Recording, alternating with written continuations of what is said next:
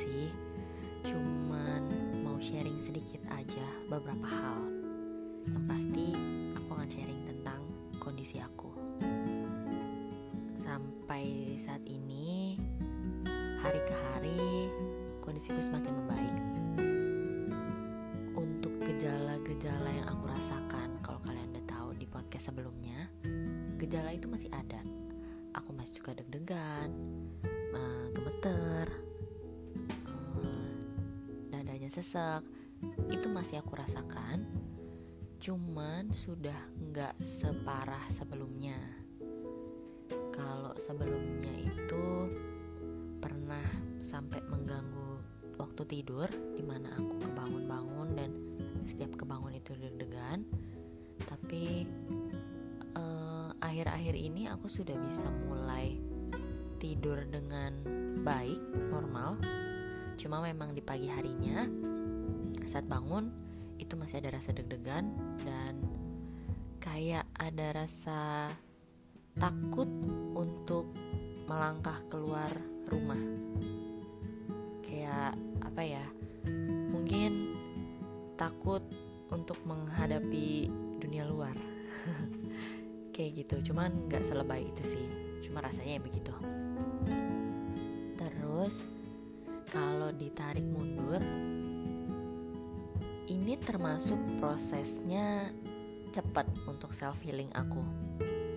Jadi eh, keseluruhan aku mulai didiagnosa itu kan hampir dua mingguan. Dan sekarang sudah semakin membaik kan? Itu itu jatuhnya termasuk cepat. Padahal sebelum sebelumnya itu fase up and downnya signifikan sekali. Jadi di saat down tuh benar-benar down banget kacau banget. Tapi setelah itu perlahan bisa bangkit lagi dan membaik sampai sekarang. Nah aku mau bagi sedikit tips untuk proses self healing dengan cepat. Ini bukan berarti kita rushing gitu ya. Maksudnya kalau untuk proses self healing itu juga sebenarnya nggak bisa diburu-buru karena itu tergantung dari kesiapan kita juga. Nah, apa yang bikin cepat ini tuh balik lagi ke diri kita.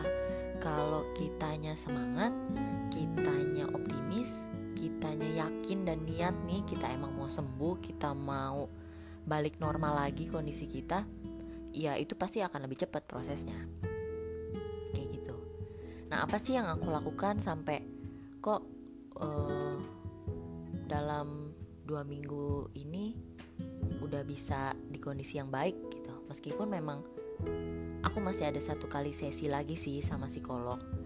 Cuman uh, sepertinya itu sesi terakhir akan jauh lebih baik dibanding yang sebelum-sebelumnya. Karena mengingat kondisiku ini sudah cukup stabil. Tips dari aku yang pertama itu adalah penerimaan diri. Kayak di podcast-podcast sebelumnya aku juga udah sering bahas sih. Kita tuh harus terima keadaan kita. Kita harus akui memang diri kita lagi kurang stabil kondisinya, lagi kurang baik kondisinya. Jadi itu kita harus bisa embrace rasain aja terima aja rasanya jangan jangan kita deny kalau emang kita ngerasa uh, sedih cemas ada emosi-emosi tertentu ya udah nggak apa-apa diterima aja rasanya. Intinya kita jangan malu mengakui tentang kondisi kita. Kita emang harus terima ya inilah kita gitu. Dari penerimaan itu bikin kita tuh menyadari tentang diri kita sendiri. Nah, dari situlah proses penyembuhan itu akan naik tingkatnya. Yang kedua itu yang sebenarnya sulit. Tapi kalau kita apa ya, bisa dengan besar hati melakukannya, itu akan jauh lebih baik untuk kondisi kita. Apa sih yang susah? Yaitu memaafkan diri kita sendiri. Karena biasanya di saat kita depresi itu ada fase kita uh, menyalahkan diri sendiri dan itu terjadi juga sama aku. Aku menyalahkan diri sendiri atas kondisi aku. Aku menyalahkan kondisi aku menyalahkan diri sendiri atas apa yang sudah terjadi yang menyebabkan aku jadi seperti ini. Jadi semuanya aku pikir itu adalah memang salahku, memang memang akunya yang nggak baik gitu. Tapi setelah disadari lagi, harusnya nggak begitu. Kalau memang kita ada melakukan salah di masa lalu yang bikin kita kondisinya jadi seperti ini, ya sudah, kita terima, kita akui kita memang salah, tapi jangan berlarut-larut. Maafin diri kita, maafin perbuatan kita, maafin apa yang udah kita lakukan. Setelah itu, ya sudah, kita tetap jalani hidup kita dengan baik. Yang penting kita sadar kita sudah melakukan kesalahan dan kita sudah men memaafkan diri kita sendiri. Itu akan bikin kita jauh lebih lega. Jadi nggak ada lagi rasa apa ya, rasa yang numpuk di dalam dada kita karena kita merasa bersalah atas kondisi ini. Dengan semakin kita bisa menerima dan memaafkan diri kita, perlahan-lahan tuh beban yang ada di diri kita juga akan rilis gitu. Dan yang terakhir, paling penting itu adalah support system. Support dari orang-orang terdekat kita. Teman, sahabat, saudara, keluarga, siapa pun itu. Itu penting banget untuk membantu kita dalam proses healing. Support dari mereka tuh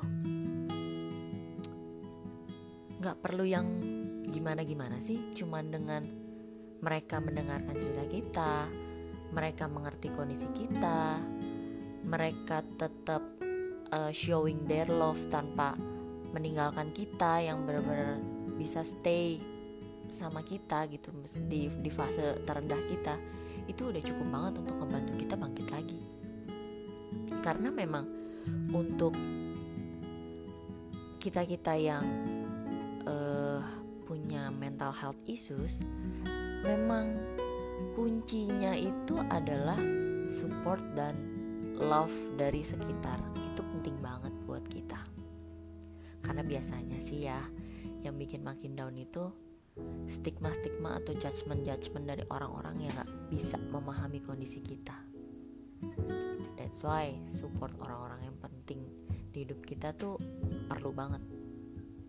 Itu. Kurang lebih itu sih yang bisa aku share untuk hari ini. Dan hmm, ada satu quotes yang ini bagus banget buat aku juga yang menyadarkan menyadarkan aku untuk bisa lebih menerima diriku.